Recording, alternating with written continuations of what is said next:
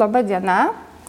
Šiandieną norėčiau kalbėti apie savo ilgamečių tyrimų objektą Antano Kazimiero Sapiegos 1722-1733 metų dienoraštį. Labai džiaugiuosi, kad turiu galimybę apie tai kalbėti Lietuvos mokslo akademijos Vrublevskių bibliotekoje. Ne tik dėl to, kad šis šaltinis ir yra saugomas šioje bibliotekoje, bet ir dėl to, kad pati esu ilgametė šios bibliotekos lankytoja Ir šiandien kažkuria prasme turiu galimybę atsidėkoti bibliotekai už dosnę pagalbą savo moksliniuose tyrinėjimuose. Norėčiau šiandieną paliesti savo paskaitoje tokias kaip ir penkias temas. Trumpai pristatyti, kas yra ego dokumentai, pristatyti Antaną Kazimierą Sapiegą, dienoraščio autorių. Ir toliau pagrindinį dėmesį skirsiu jau pačiam dienoraščiui, kalbėsiu apie šaltinio adresatus, apie įrašų struktūrą, apie įrašų tematiką ir savo pasakojimą norėčiau užbaigti pristatydama, kuo šis šaltinis reikšmingas mūsų istorijai, mūsų praeities kartų gyvenimo pažinimui. Savoka ego dokumentai yra ganėtinai sena. Ja 20-ojo amžiaus vidury pirmasis sukūrė ir pradėjo platinti olandų istorikas Jakobas Preseris. Ego dokumentais jis pavadino pirmuoju asmeniu parašytus šaltinius, kuriuose autoriai vienu ar kitu aspektu paliečia savo asmeninį gyvenimą, atskleidžia e, savo išgyvenimus ir vienaip ar kitaip pasakoja apie save ir savo artimiausią aplinką. Tokiais šaltiniais e, laikomi ne tik tai jau klasikiniai dienoraščiai, atsiminimai ir laiškai, teismų medžiaga, pavyzdžiui, liudininkų apklausos protokolai arba netgi tardymo protokolai. Dėl pastarųjų kyla šiek tiek diskusijų tarp mokslininkų, kadangi akcentuojama, kad ne visada tai, kas buvo vieno žmogaus pasakyta, o kito užrašyta, yra tapatu, tačiau bet kokiu atveju ego dokumentų įvairovė yra didelė. Paprastai tiek tyrinėtojus, tiek skaitytojus tokie dokumentai labai lengvai patraukia juose užfiksuotos kasdienybės atspindžiais ir šie šaltiniai turi daugybę perskaitimo būdų priklausomai nuo to, ko tyrėjas juose ieško. Tai šiandien savo uh, kalbą, e, norėčiau toliau e, tęsti pastebėjimu, kad e, neturi, kalbėdami apie iki industrinio laikotarpio ego dokumentus ir ypač apie dienoraščius, neturėtume tikėtis, kad tai yra tapatus šaltinis tam, ką mes šiandieną laikome dienoraščiu. Tyrinėtojai yra pastebėję, kad praktiškai iki 18 amžiaus pabaigos, iki 18 amžiaus 80-mečio Dienoraštis buvo visiškai kitokio pobūdžio šaltinis. Ir juose autoriai kur kas mažiau dėmesio skyrė savo vidiniams išgyvenimams ir retai atskleisdavo savo vidinį pasaulį, mažai vietos skyrė kažkokioms reflektyvioms mintims. Prancūzų dokumentikos tyrinėtoja Michelle Cassin E, atkreipė dėmesį į privataus pobūdžio užrašų funkcijų kaitą. Kadangi pirmieji dienoraščiai Europoje yra sutinkami nuo 15 amžiaus, tai, kaip jau sakiau, iki pat 18 amžiaus pabaigos tai buvo daugiau šeimos atsiminimų knyga, neretai perdodama iš kartos į kartą, pradėdavo rašyti senelis, vėliau tęsdavo jo vaikai, o, o vėliau ir anūkai. Šiuo požiūriu galima sakyti, kad senieji dienoraščiai yra ganėtinai skurdus kalbos atžvilgių, taip pat juose nedaug autoriaus asmenybės ir jo individualybę atskleidžiančios informacijos. Ir tik tai 18 amžiaus antroji pusėje dienoraščiai po truputėlį pradeda tapti savianalizės, savo vidinių išgyvenimų, intimių kažkokių savi išpažinimo vieta. Todėl e, tas laikotarpis, apie kurį ir aš kalbėsiu, 18 amžiaus pradžia, e, tai taip pat susidurėme su situacija, kada dienoraščiuose e, nėra kažkokių plačių apibendrinimų, nereikėtų juose ieškoti noro jam žinti šeimos ar giminės istoriją ir tie dienoraščiai neretai primena na, tokius mūsų darbo užrašus, kažkokias sąskaitų knygas, trumpus pastebėjimus apie verslo reikalus ir panašius dalykus. Vienas iš prancūzų ego dokumentikos tyrinėtojų, Jean-François Rougiu, yra taip pastebėjęs ego dokumentinių autorių negebėjimą reikšti savo emocijų. Dienoraščiuose neaptinkame nei jausmų, nei įspūdžių, nei užuomenų apie kokius nors asmeninius dalykus. Kančia, rūpeščiai ir džiaugsmai apskritai nesisvečiuoja jų puslapiuose. Kai autorius jau atrodo brūkštelės kokį prisipažinimą, jis iškart nutildamas gėdos pojūčio ir kažkokių neapibrieštų teiginių. Įsižiūrėjimas į save yra visiškai nebūdingas šio laikotarpio mąstymo struktūroms ir papročiams. Gali kilti klausimas, jeigu tie šaltiniai tokie sausi ir neįdomus, kodėl vis dėlto tyrinėtojai vis iš naujo ir iš naujo prie jų grįžta. E, tai šiuo atveju svarbu akcentuoti, kad būtent šiuose šaltiniuose labai gerai atsispindi e, epochos e, kasdienybė, labai atsiskleidžia aptariamo kažkokio laikotarpio žmonių gyvensenos įvairovė, socialinė aplinka ir panašus e, visada e, mus dominantis dalykai. Tai būtent e, ir pamėginsiu šiandieną pristatyti vieną tokį šaltinį ir pamėginsiu atskleisti, kad netgi ir sausame, ir, ir, ir šiek tiek monotoniškame tekste galima surasti pačios įvairiausios ir tyrinėtojams vertingos, ir plačiai visuomeniai įdomios informacijos. Tai pradėti norėčiau nuo autoriaus pristatymo. Čia yra tam tikri momentai iš jo biografijos, kuriuos šiek tiek minėsiu praplėsdama ir pati. Tai Antanas Kazimieras Apiega gimė 1689 metais. Jis buvo vyriausias ir vienintelis Lietuvos didžiosios kunigaikštystės stalininko Jurgio Stanislavos Apiegos ir Izabelės Elenos Polubinskytės sunus. Deja, tenka pastebėti ir tokią e, aplinkybę, kad Jurgis Stanislavas Apiega, dienoraščio autoriaus tėvas, buvo visoje valstybėje žinomas girtuoklis, sunkaus būdo, karštakošis ir vaidininkas. Ir gyvenimo pabaigoje e, Jurgis Stanislavas buvo taip prasiskolinęs ir pagarsėjęs įvairiomis avantūromis. Jos skolos siekė maždaug milijoną e, auksinų. 18 amžiaus trečiam dešimtmečiui tai buvo milžiniška e, suma. Ir giminė labai rimtai svarstė jį paskelbti neveiksniu. Miniu visą šitą informaciją, todėl kad santykiai su tėvu ir jo padarytos skolos labai smarkiai atsispindi tame šaltinyje ir Antano Kazimieros apiegos gyvenime dėje, bet turėjo didelės reikšmės. Reikšmingus pėtsakus Lietuvos didžiosios kunigaikštystės istorijoje paliko ir abu Antano Kazimieros apiegos seneliai tiek Vilniaus vaivada Kazimieras Jonas Apiega, tiek Lietuvos didžiosios kunigaikštystės didysis maršalas Aleksandras Hilaris Polubinskis. Tai e, Kazimieras Jonas Apiega e, būtent Antaną Kazimieras Apiega savo anūką matė kaip savo paveldėtoją, e, skyrė jam pagrindinę savo palikimo dalį, dėje po sudėtingos 18 amžiaus pradžios įvykių, kuomet Sapiegos patyrė e, tiek vidaus kare nesėkmę, tiek e, politinį pralaimėjimą, pavadinkime taip, e,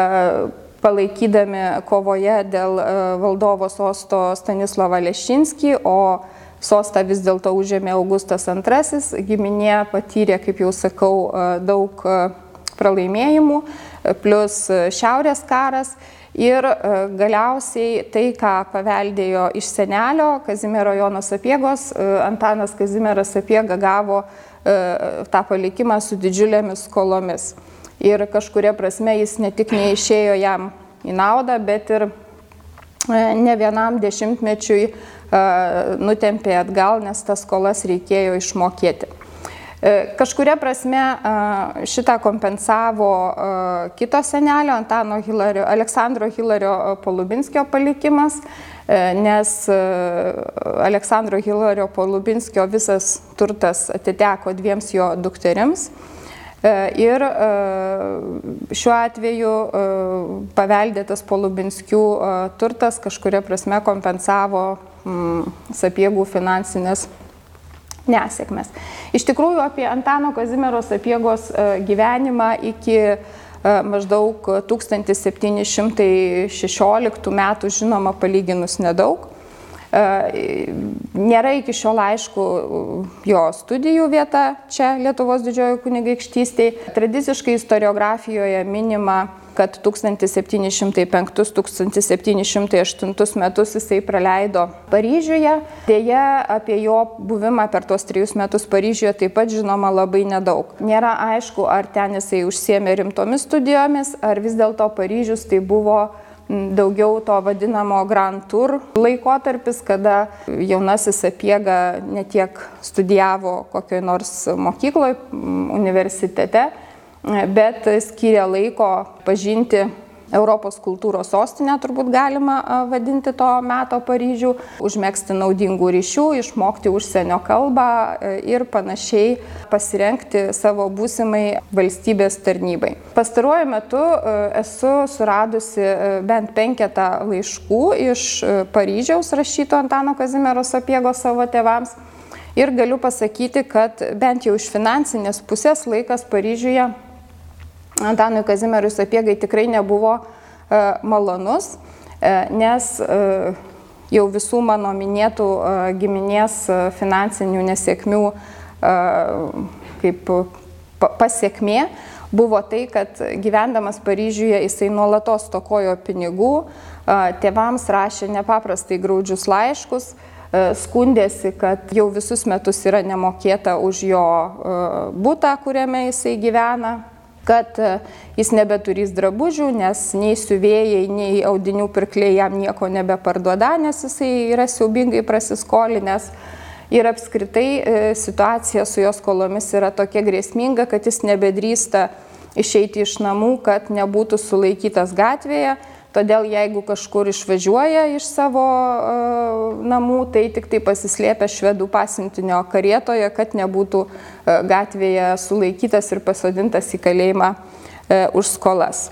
1709-13 metus Antanas Kazimieras Sapiega praleido karaliaučiuje, Prūsijoje. Tuo metu ten buvo pasitraukusi ir didelė dalis jo giminaičių dėl šiaurės karo veiksmų. Ir šiuo metu kažkuria prasme jisai na, deda kaip tokius pagrindus savo politiniai karjerai, mesga tam tikrus ryšius, kurie ateityje taip pat bus svarbus ir turės įtakos tiek jo politiniai karjerai, tiek jo politinėms nuostatoms. Reikia pasakyti iš karto, kad Antanas Kazimieras Sapiega veikiausiai buvo taip pat ganėtinai na, tokio tvirto būdo, nes jau 1709 metais, tuo metu jaunuoliui buvo 20 metų, e, kai visa jo giminė po truputėlį suvokė, kad Stanislavas Lešinskis yra blogas statymas ir reikia e, vis dėlto taikyti su Augustu II ir po truputėlį bando atkurti e, savo gerą vardą valdovo akise Antanas Kazimieras Apiega panašu, kad nepalaiko šitų žingsnių ir yra giminaičių e, baramas laiškose, kad e, elgesi neteisingai, nebandydamas įsiteikti valdovui ir tokiu būdu kompromituoja ne tik save, bet ir visą giminę. Galų gale vis dėlto 1713 metais Augustas II įkalbėtas keleto įtakingų dvariškių E, suteikia amnestiją Antanui Kazimierui Sapiegai ir leidžia grįžti į kraštą, įpareigodamas e, pasižadėti, kad e, jaunuolis nebepalaikys santykių su priešais, tai yra su Stanislavu Lešinskiu ir švedų karalium Karoliu XII kad bus ištikimas valdovui ir ramiai gyvens savo valdose. Tuo pat metu Augustas II patvirtina Antanui Kazimierui Sapiegai ir merkinės seniūno pareigas. kurias jisai na, tarsi e, paveldė, jeigu taip galima sakyti, iš savo senelio, jau mano minėto Kazimiero Jono Sapiegos. Ir merkinės seniūno pareigas jis išlaikys iki pat savo gyvenimo pabaigos, dėja politinė karjera Antanui Kazimierui Sapiegai klostysis ir ateityje gana prastai nes e, nepaisant to pasižadėjimo oficialaus Augustui II, jisai ir toliau pernelyg nesislėpdamas bus nusiteikęs prieš Švetinų dinastiją ir e, bandys mėgsti vienokias ar kitokias intrigas prieš valdovą, savo ruoštų valdovas e, atsilygins tyliai jį ignoruodamas ir stengdamasis nesuteikti jokių kitų pareigų. Vis dėlto grįžęs į gimtinę, Antanas Kazimieras Sapiega aktyviai įsijungė į viešąjį gyvenimą jisai dalyvauja keliose konfederacijose, tampa Lietuvos didžiosios kunigaikštystės vyriausio tribunolo deputatu ir netgi dalyvauja kaip diplomatinės misijos pas Petrą I narys ir laiškuose motinai rašo, kad Aišku, šitas reikalas yra sudėtingas, nes aš pats turiu rūpintis finansais šitos misijos ir tai yra man labai sunku, tačiau vis dėlto tokia užduotis yra garbinga ir jos E, reikia imtis. Dar vienas svarbus Antano Kazimiero sapiegos ateičiai momentas yra maždaug 1719 metais įvykusi santoka su Rachelė Teresė Vyhovska. Minsko kašteliono Danieliaus Vyhovskio e, dukterimi.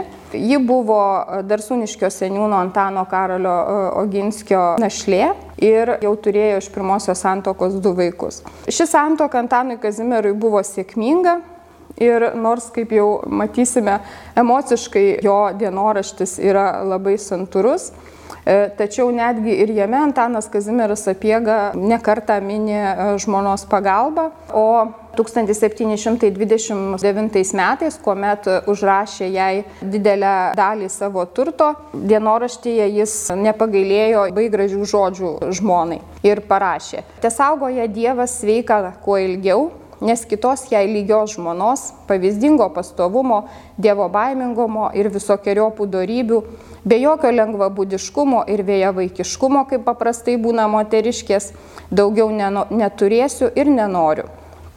Reikia pasakyti, kad uh, labai tokius šiltus emociškai sutoktinius santykius atskleidžia ir sapiegienės laiškai Čia pat e, mokslo, Lietuvos mokslo akademijos Vrubleskio bibliotekos rankraštynė saugomi ir 22 Teresės Rachelės e, sapiegienės laiškai vyrui, e, kur ji taip pat labai emociškai rūpinasi vyro sveikata, labai išsako savo ilgesį jam ir Nors tuos laiškus pasirašydama įvardyje save vyro tarnaitę, kas buvo toks šablonas, e, tačiau nevengia ir meilesnių ištarmių ir neretame laiške priduria, pavyzdžiui, e, tokias frazes kaip meiliai apkabinu ir bučiuoju savo mylimo kazelio kelias. Arba jeigu vyrui rašo ilgesniam laikotarpiu išvykus į tolimesnę kelionę, E, tai rašo ilgesingai laukdama, kuo greičiau iš Rusios sugrįžtančio mano širdelės, dabar širdingai spaudžiu glėbyje savo mylimą kaziuką. Santokinis gyvenimas Antanui Kazimierui klostėsi neblogai ir jisai toliau sėkmingai bandė uh, įvykdyti savo ambicingus tikslus ir uh, rasti vietą uh, politinėme valstybės gyvenime. Tai 1724 metais jis tapo Lietuvos didžiosios kunigaikštystės vyriausio tribunolo maršalka. Taip pat buvo 1729 metais ir 33 metais pasiuntiniu į Seimą. Na ir audringiausias turbūt Antano Kazimiero sapiegos gyvenimo etapas prasidėjo 1733 metais po Augusto antrojo mirties, e, kuomet e, merkinės seniūnas vėl stojo Stanislovo Leščinskio pusėn ir nepaisydamas prastos sveikatos, Apie jo sveikatą aš dar šiek tiek pasakosiu mm, kitoje vietoje. Taigi, nepaisydama savo išties prastos sveikatos, dalyvavo kariniuose veiksmuose Lenkijoje, kurį laiką buvo e, suimtas ir kalinamas e, rusų e, karo stovykloje Gdanskė, o paleistas iš rusų nelaisvės suimtas karaliaučiuje už senelio ir tėvo skolas jau mano minėtas. Ir galų gale Augustui III Antanas Kazimieras Sapiega prisiekė tik tai 1736 metais. Na ir kaip dovana už tai gavo pagaliau šiek tiek garbingesnės trakų kašteliono pareigas. Deja, įsismerkavusios lygos tuo metu, kaip mano tyrinėtojai, jau nebeleido jam aktyviai dalyvauti politinėme gyvenime ir po trejų metų, 1739 metais, Antanas Kazimieras mirė, palikonių taip ir nesulaukęs ir buvo palaidotas savo pamėgtame derečinė. Tai dabar jau taip pakankamai, man regis, išsamei pristačiusi šio iš tikrųjų mūsų istoriografijoje iki šiol mažai žinomo sapiegų giminės atstovo biografiją, norėčiau pagrindinį dėmesį jau skirti jo dienoraščiui. Šaltinis yra visiškai išskirtinis. Pirmiausia, dėl savo apimties. Tai 1722-33 metais rašytas dienoraštis sudaro 750 puslapių maždaug A4 formato, dvi didžiulės knygos, nors tai yra du atskiri rankraščiai, bet vis dėlto tiek chronologiškai, tiek tematiškai jos sudaro vientisą korpusą ir užbaigdamas pirmąją knygą 1729 metų pabaigoje Antanas Kazimieras Apiega, na, kaip ir duoda ženklą, nes pažymi, kad šitoje knygoje vietos jau nebėra, kitų metų įrašai jau bus naujoje knygoje. Pačioje pirmoje skaidrėje kaip tik ir buvo vienos iš sapiegos dienoraščių knygų e, viršelis. Kaip matote, knyga įrišta oda su pakankamai solidžia spinelė. Beje, domėjausi šiek tiek, tai yra, kiek aš domėjausi čia Lietuvoje, nelabai yra analogų, kad toks dienoraštis būtų su spina. Ir e, akivaizdu, kad ta spina nebuvo butaforinė, yra aiški spinelė, aišku, jinai dabar yra sulaužyta ir šiek tiek apgadinta. Taip pat klausinėjau ir pas kolegas Lenkus, ar dažnai jiems pasitaiko panašių, reiškia, šaltinių tokia, na, visiškai tiesioginė apsauga. Tai jie sakė, kad taip pat analogų nežino ir tai tik tai įrodo, kaip atsakingai Antanas Kazimieras Apiega žiūrėjo į tą savo dienoraštį, kokią jo nuomonę vertingą informaciją ten laikė ir kaip rūpinosi, kad jinai nepatektų į akis to, kas neturėjo teisės e, skaityti.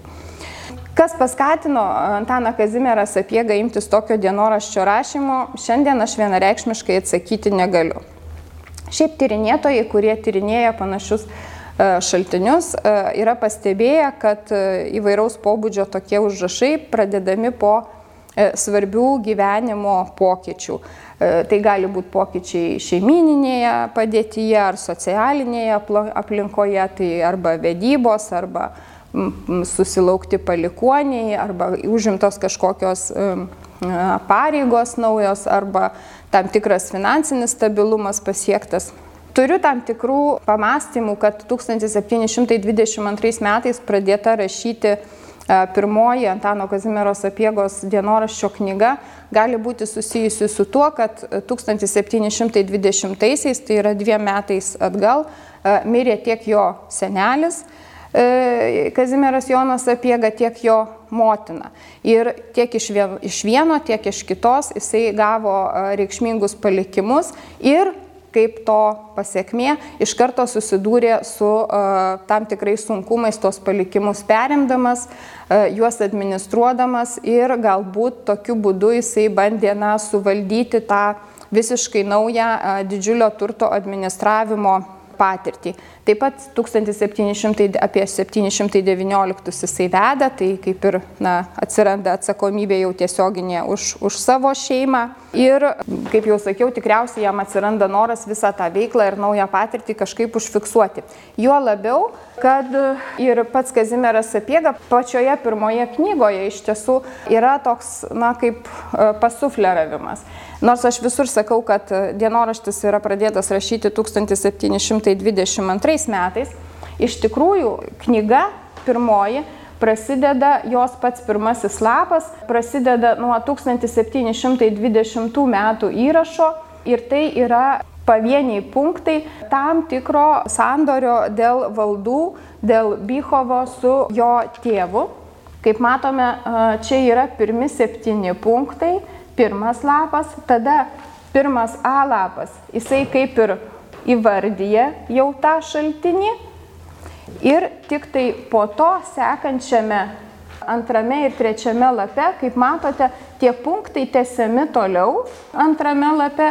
Kitaip sakant, jis pradėjo rašyti kažkokius finansinio sandėrio punktus, kad galėtų pats geriau juos suvokti, tada tarsi įvardijo šaltinį, paskui tęsė tuos punktus sandėrio dėl Bychovo ir kaip matome, šitas mūsų turimas šaltinis prasideda tiesiog kaip elementari sąskaitų knyga, išlaidų e, e, sąrašas. Ir tik tai e, jau po kelių puslapių, netgi ne kelių, keliolikos, apie 20 puslapių tokios sąskaitos tęsiasi, vėliau jau jis pradeda rašyti tą tikrąjį savo dienoraštį, būtent tokios struktūros ir būtent tokios tematikos, koks bus dienoraštis ateityje. Tai čia mes matome Tiesiog aš visiškai atsitiktinai paėmiau pirmą pasitaikiusi lapą, man atsivertė 150 lapas. Kaip matome, yra surašytos dienos, ar ne? 16, 17, 18, 19, 20 dienos. Kiekvienai dienai skirti trumpi ganėtinai įrašai, kai kurių dienų įrašai suskirstyti dar ir tematiškai, tai yra jeigu Antanas Kazimieras apiega išvardyje laiškus, jis rašo vieną, tada pradeda iš naujos eilutės, jeigu pasakoja apie savo kreditorius, dar iš naujos eilutės pradeda kažkokias tai ūkio e, valdymo e, smulkmenas pasakoti ir panašiai ir panašiai. Tai kitaip sakant, jau nuo tų pirmųjų tokių grinai sąskaitų knygos struktūros tas dienoraštis ganėtinai skiriasi. Ir neaišku, kodėl tarp 1720 metų ir 1722 yra toksai tarpas, kodėl jisai liovėsi rašyti. Na, žodžiu, neatsakytų dar klausimų yra. Ir matyt, galbūt iš jo korespondencijos man kada nors pavyks surasti kokios nors užuominas, nes Šiuo metu aš žinau apie 500 Antano Kazimieros apiegos laiškų ir iš jų taip pat tam tikri jo gyvenimo ir, ir, ir, ir netgi su dienoraščiu e, susiję momentai taip pat aiškėja. Galbūt pavyks surasti atsakymą ir kodėl jisai tą dienoraštį rašė, kodėl pradėjo jį rašyti. Taigi, e, jeigu jau grįžtant konkrečiai prie dienoraščio įrašų, tai 1722 metų įrašus Antanas Kazimieras Sapiega pradėjo, na, tokiu kukliu pavadinimu 1722 metų privačių ir viešų reikalų dienoraštis. Tačiau tų pačių metų pabaigoje Sapiega jau aiškiai įvardijo ir šito savo dienoraščio adresatą, kad ir kaip tai keistai skambėtų, kad dienoraštis yra skiriamas kažkam tai. Taigi jisai parašė. Laimingai pasibaigė 1722 metai ir mano užrašinė didesniai Dievo garbiai ir paveldėtojų žiniai, kad po ilgo mano gyvenimo galėtų geriau tvarkytis, nieko neslėpdamas čia surašiau savo ranką, lyg jau šiandien turėčiau mirti. O pradėdamas savo ruoštų Kitus metus, 1723 metus, pradėjo pažymėdamas, kad tai yra įvairūs kasdieniai tiek viešų reikalų, tiek net smulkiausių privačių mažmožių užrašai, kad mano paveldėtojai po mano mirties tiksliausiai susižinotų apie visus sandėrius. Taigi, neabejotinai galime teikti, kad Sapiegos dienoraštis nebuvo jo sumanytas kaip asmeninė užgaida ar privačių minčių saugojimo vieta. Nuo pat pirmos dienos Antanas Kazimieras Sapiega žinojo, kad e, jo dienoraštis bus skaitomas nors ir po jo mirties. Taip pat reikėtų pažymėti, kad 1722 metų pradžios įrašai yra dar gana lakoniški ir paprastai vienos dienos įrašas apsiriboja viena eilute, tačiau įrašai pamažu ilgėja, informacija darosi vis įvairesnė ir na, jie po truputėlį įgauna jau jūsų matytą struktūrą. E, dabar apie patį e, rašymą. Vėlgi šitą klausimą ganėtinai lengva atsakyti, nes apie tai taip pat pats Kazimieras rašė, nors kai kur rašyta ne mano ranka, Tegu tai nekelia jokių abejonių, mat viską perskaičiau, viskas teisingai. O nerašiau iš dalies dėl svarbių darbų ir įvairių reikalų, iš dalies dėl mano nelemtos lygos podagros ir chiragros. Tačiau, kad ir kas rašė, diktavau aš iš savo raštininko Dolmano užrašų. Pasibaigus mano ilgam gyvenimui, tie užrašai paveldėtojų turi būti priimti be jokių abejonių, kadangi rašiau sąžiningai ir vien tik tiesą o jei kažką praleidau, tai tik dėl užmaršumo. O kadangi šios knygos pradžioje liko labai daug popieriaus, tai atsiduodamas malo, e, didesniai Dievo maloniai pradedu rašyti 1728 metus. Ankstesni metai neužbaigti, nes neturėjau įpročio rašyti Iš dalies dėl apsileidimo ir dėl įvairių reikalų. Anksčiau neturėjau asmeninių užrašų kaip dabar.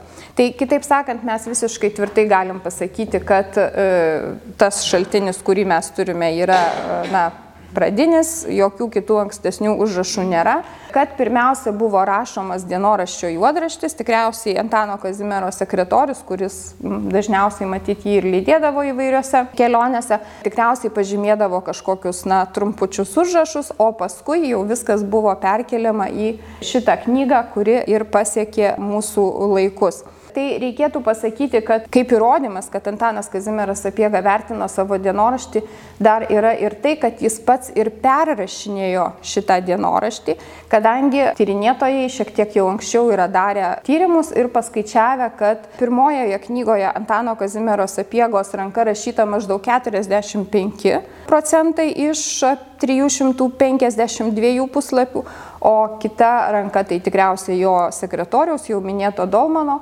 O antrojoje knygoje, kadangi Antanas Kazimieras Apiega jau truputėlį, na, kaip ir aktyviau į politinį ar į viešąjį gyvenimą įsitraukė, tai jisai perešinėjo maždaug tik tai 35 procentus įrašų, bet bet kokiu atveju šitaip užsijėmė žmogus vis tiek negailėjo savo laiko šitam, šitam šaltiniui. Tam tikrų e, pastebėjimų, tam tikrų išvalgų taip pat galima padaryti ir analizuojant dienoraščio e, kalbą. E, dienoraščio kalbą 20-ojo e, amžiaus 90-metį e, tyrinėjo Lenkų mokslininkė Barbara Smolinska.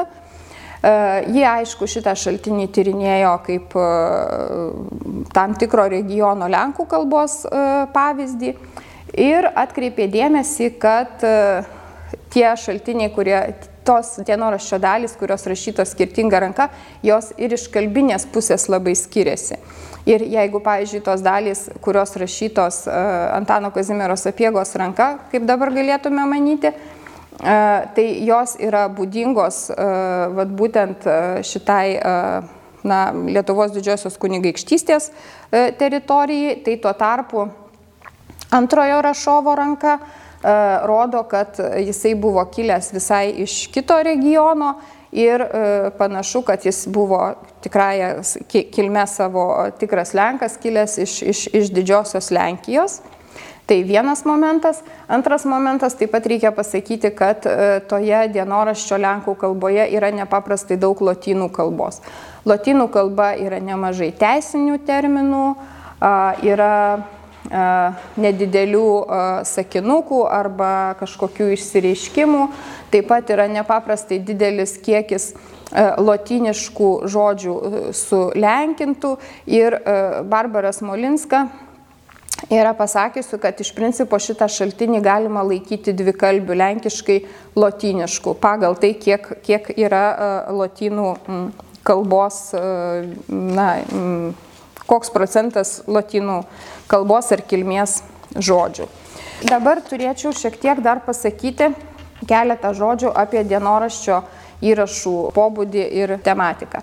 Nes iš tikrųjų, sakydami, kad dienoraštis yra išskirtinės apimties, mes tarsi neturime dar pagrindo sakyti, kad jisai yra labai vertingas. Čia kaip pavyzdį galėčiau pasakyti, kad pavyzdžiui Mykolas Kazimieras Radvila Žuvelė yra palikęs kur kas ilgesnį periodą spindinti dienoraštį, rašytą nuo 1719 iki 1761 metų, tai 40 su virš metų dienoraštis rašytas ir jis yra kur kas didesnės apimties. Bijau dabar apsirikti, bet jo dienoraščių puslapių skaičius skaičiuojamas tūkstančiais.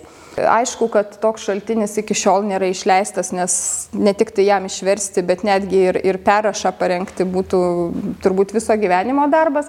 Tačiau tyrinėtojai, kalbėdami apie šitą e, žuvelės dienoraštį, sako, kad vis dėlto jisai nėra labai vertingas dėl na, tokių labai e, monotoniškų, būtinių ir, ir, ir nuolat besikartojančių e, aprašymų. Tai apimtis dar toli gražu e, ne visada e, rodo šaltinio vertę. Tai kuo dabar tas Antano Kazimiero Sapiegos dienoraštis mums yra vertingas. Tai pirmiausia reikia pasakyti, kad dienoraščių apskritai rašymas jau mūsų kalbamų laikotarpio 18 amžiui yra labai paplitęs ne tik tai Lietuvos didžiojo kunigaikštystėje, ne tik tai Lenkijoje, bet ir visoje Europoje. E, vėlgi norėčiau e, trumpai paminėti, kad prancūzų mokslininkai, kurie ego dokumentikos tyrimuose turbūt gali būti laikomi be nedaugiausiai nuveikę Europos istoriografijoje, yra paskaičiavę, kad apie 35 procentai įvairių testamentų, turto sąrašų ir panašiai mini vienokias ar kitokias namų užrašų knygas. Kitaip sakant, tai buvo ganėtinai įprastinė praktika. Taip pat norėčiau dar paminėti, kad gana ilgai vyravo nuomonė, kad šitas Antano Kazimiero sapiegos dienoraštis, jis turėtų būti laikomas ne dienoraščių, o silvererum. Tai yra įvairienybių knyga, kurioje autorius kažką pats užrašydavo, kažką perrašydavo, rašydavo labai sporadiškai, nenuosekliai ir, ir panašiai. Tai e, iš tikrųjų aš visiškai drąsiai ir labai aiškiai galiu pasakyti, kad tai tikrai nėra Silvererum, tai yra pats tikriausias dienoraštis, nes tiek tematiškai jisai yra labai aiškiai struktūruotas, Tie įrašai yra padieniai, absoliučiai padieniai.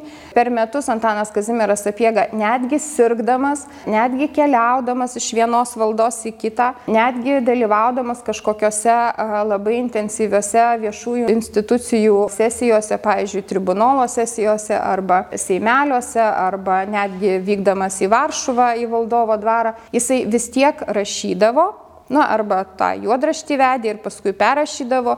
Ir ta informacija e, tematiškai taip pat la, la, labai uh, aiškiai susistruktūruoja ir nėra kažkoks sporadiškas kažkieno nurašinėjimas. Tai yra jo gyvenimas, jo veikla ir jame nėra jokių svetimų minčių, svetimų kalbų ar kažkokių pastebėjimų bendresnio pobūdžio. Kalbant apie tai, ką jisai rašė tame dienoraštyje, tai pirmiausia reikėtų pasakyti, kad Antano Kazimiero sapiegos gyvenimą kaip po kasdieną galima būtų suskirstyti na, į tokias dvi labai didelės veiklos rūšis.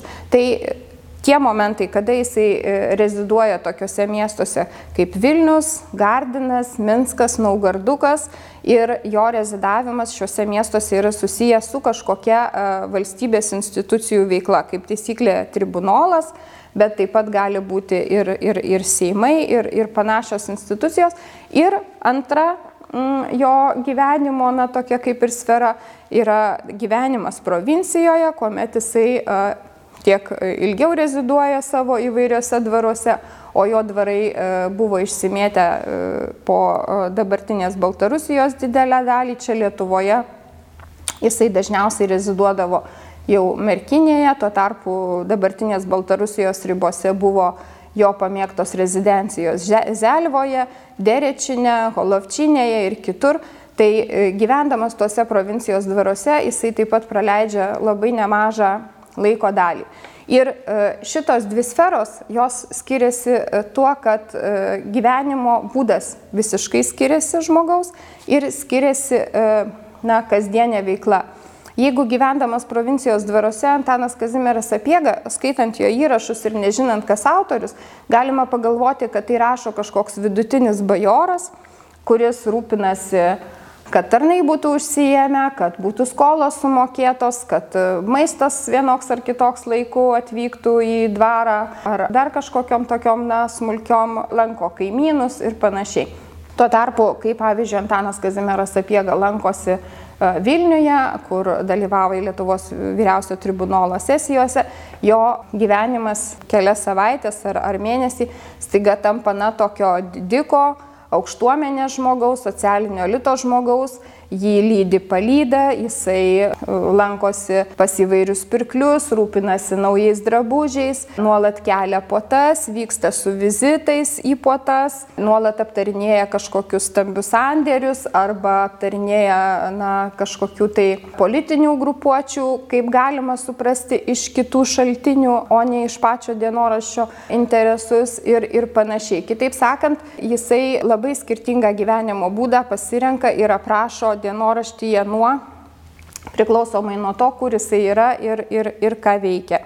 Ir taip pat reikia pasakyti, kad e, vis dėlto politinio gyvenimo užkulisių mes dienoraštyje nematome.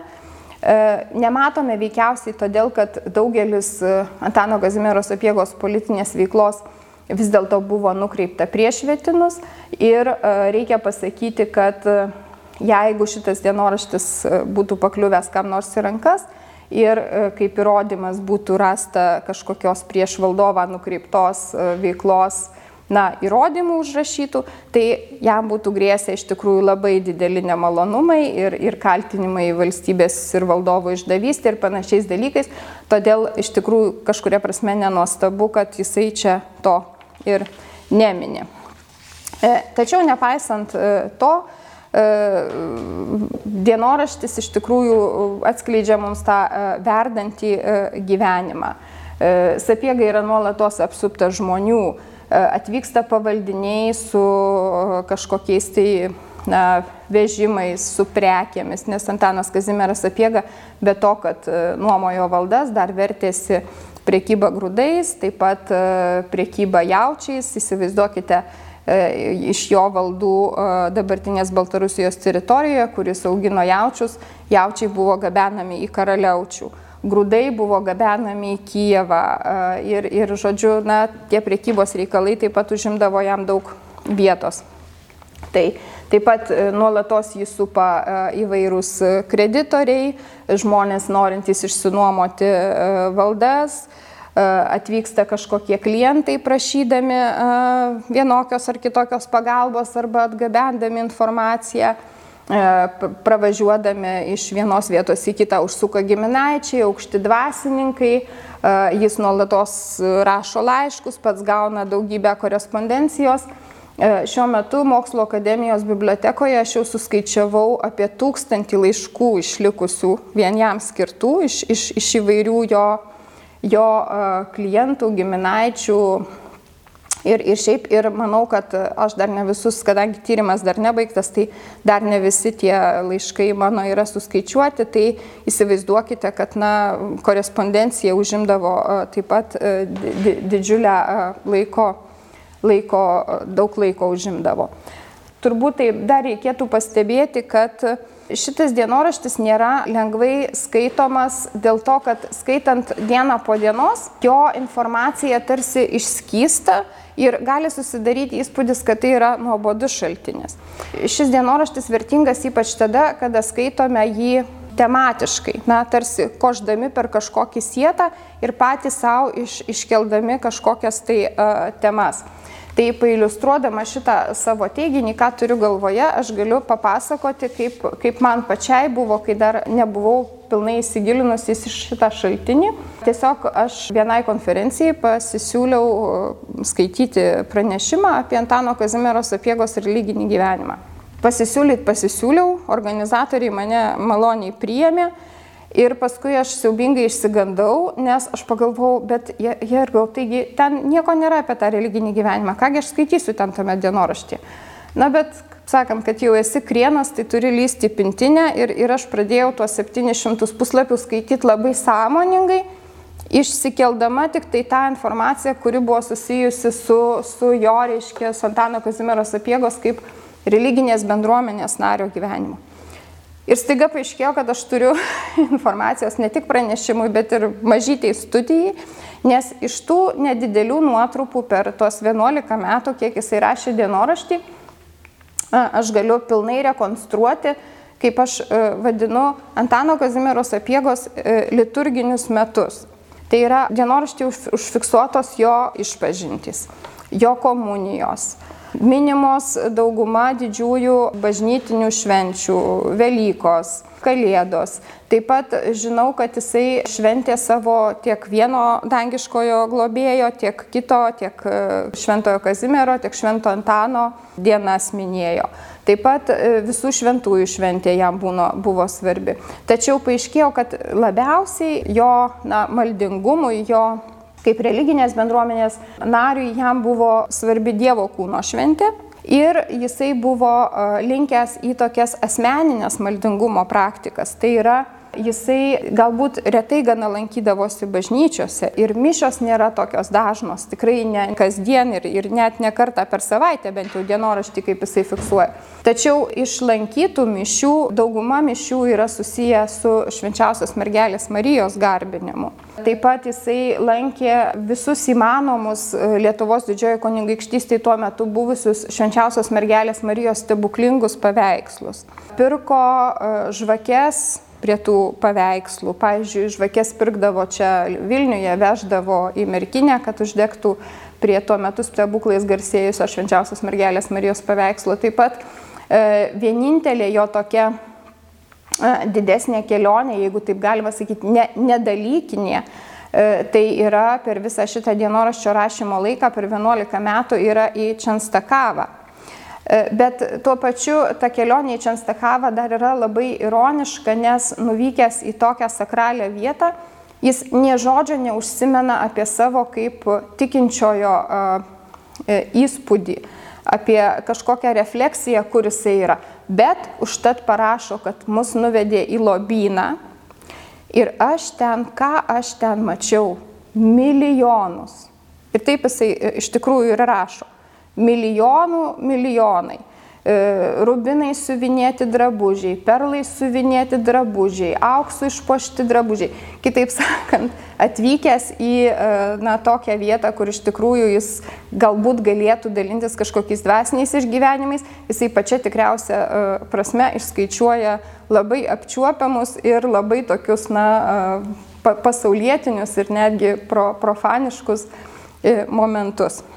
Grįžtant prie tos temos apie sapiegos dienoraščio skaitimo būdą, būtent jeigu mes žiūrėtume į jį tematiškai, jeigu mėgintume išskirti tam tikrus blokus, kurie mus labiausiai domina, tas dienoraštis būtent tada ir atskleidžia savo tikrąją vertę.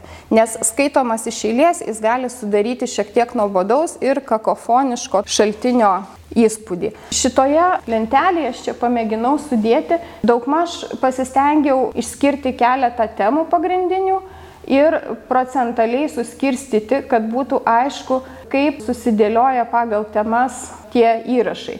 Ir jeigu jau aš minėjau, kad įrašai labai aiškiai yra tematiškai struktūruoti, tai didžioji dalis įrašų vienaip ar kitaip susiję su valdų administravimu, su finansiniais kažkokiais klausimais ir su na, skolų valdymu, jeigu taip sakytume šio laikiniais, šio laikiniais terminais.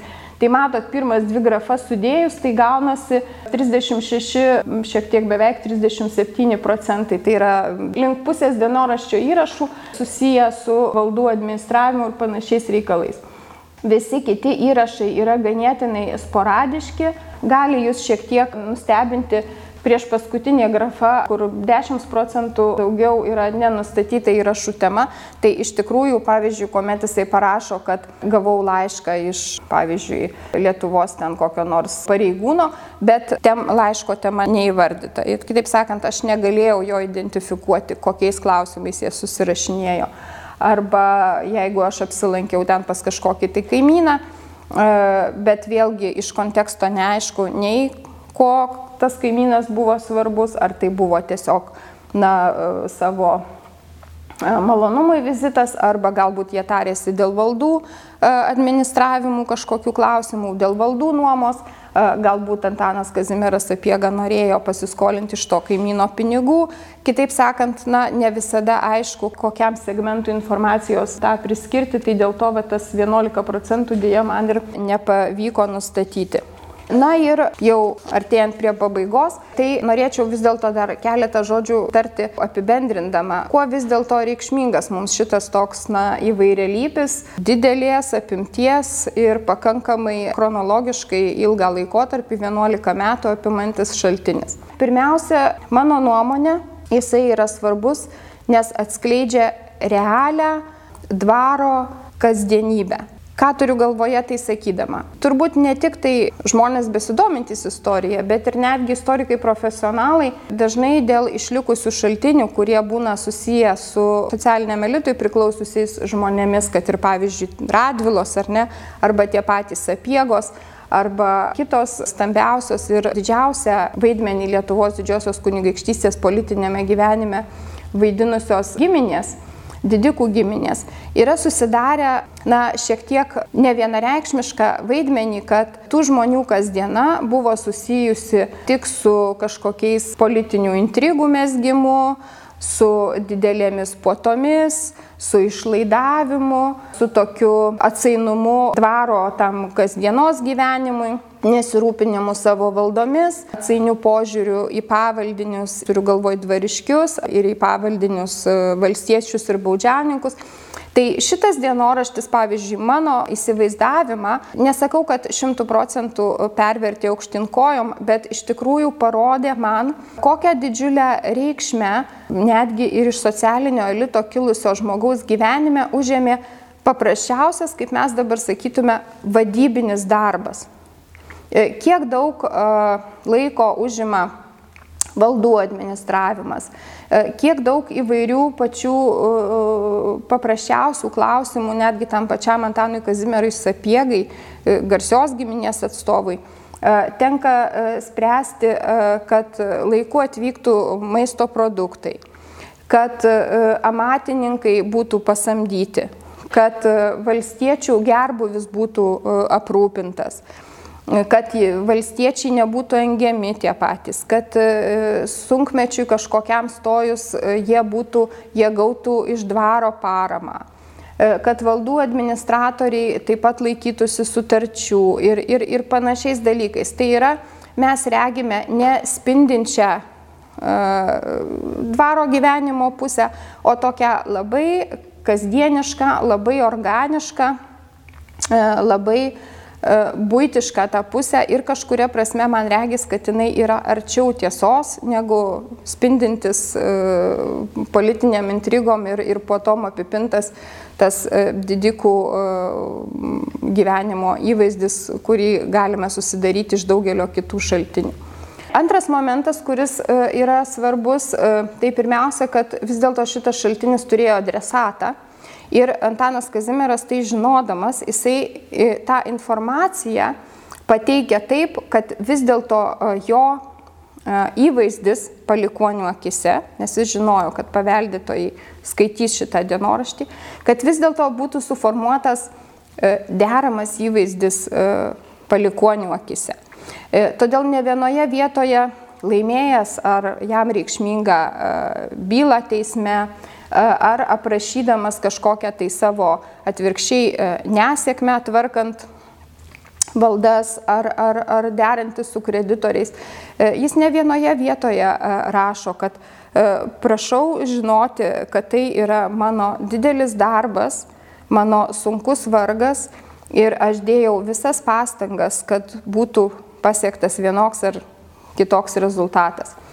Tai vis dėlto galima apibendrintai sakyti, kad e, Antanui Kazimierui Sapiegai buvo svarbu suformuoti na, tokį savo e, trejopą įvaizdį kaip gero administratoriaus, e, gero bendruomenės nario, na ir kaip politinės bendruomenės nario jau jo veikla lieka šiek tiek nuo šalyje, tačiau vis dėlto tam tikri E, jo e, išsireiškimai, kuris jisai kalba apie tai, kad e, aš stengiausi dėl mūsų giminės, aš pareiškiau savo nuomonę, pavyzdžiui, kokiam nors Seime ar, ar, ar tribunolė, kad esu pasiryžęs tarnauti tėvinės geroviai ir dėl jos nepagailėsiu nei savo sveikatos, nei savo gyvybės.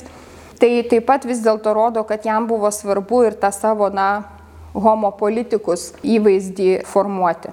Na ir galiausiai trečias aspektas tai yra, kad šitas dienoraštis mums atskleidžia tokį ne tik asmeninių sapiegos vertybių, bet ir tuo pačiu bendresniam socialiniam elitui būdingų vertybių kompleksą.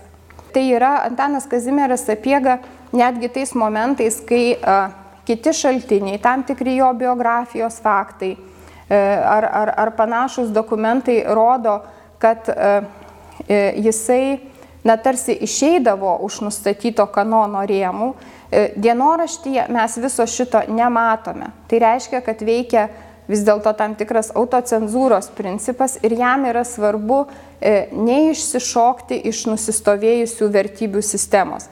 Čia tik labai trumpai jau laiko, aš čia nemažai užėmiau, e, labai trumpai tik tai signalizuosiu, pavyzdžiui, jo santykiai su tėvu, ar ne? Kaip jau minėjau, tėvas buvo labai sunkaus būdo.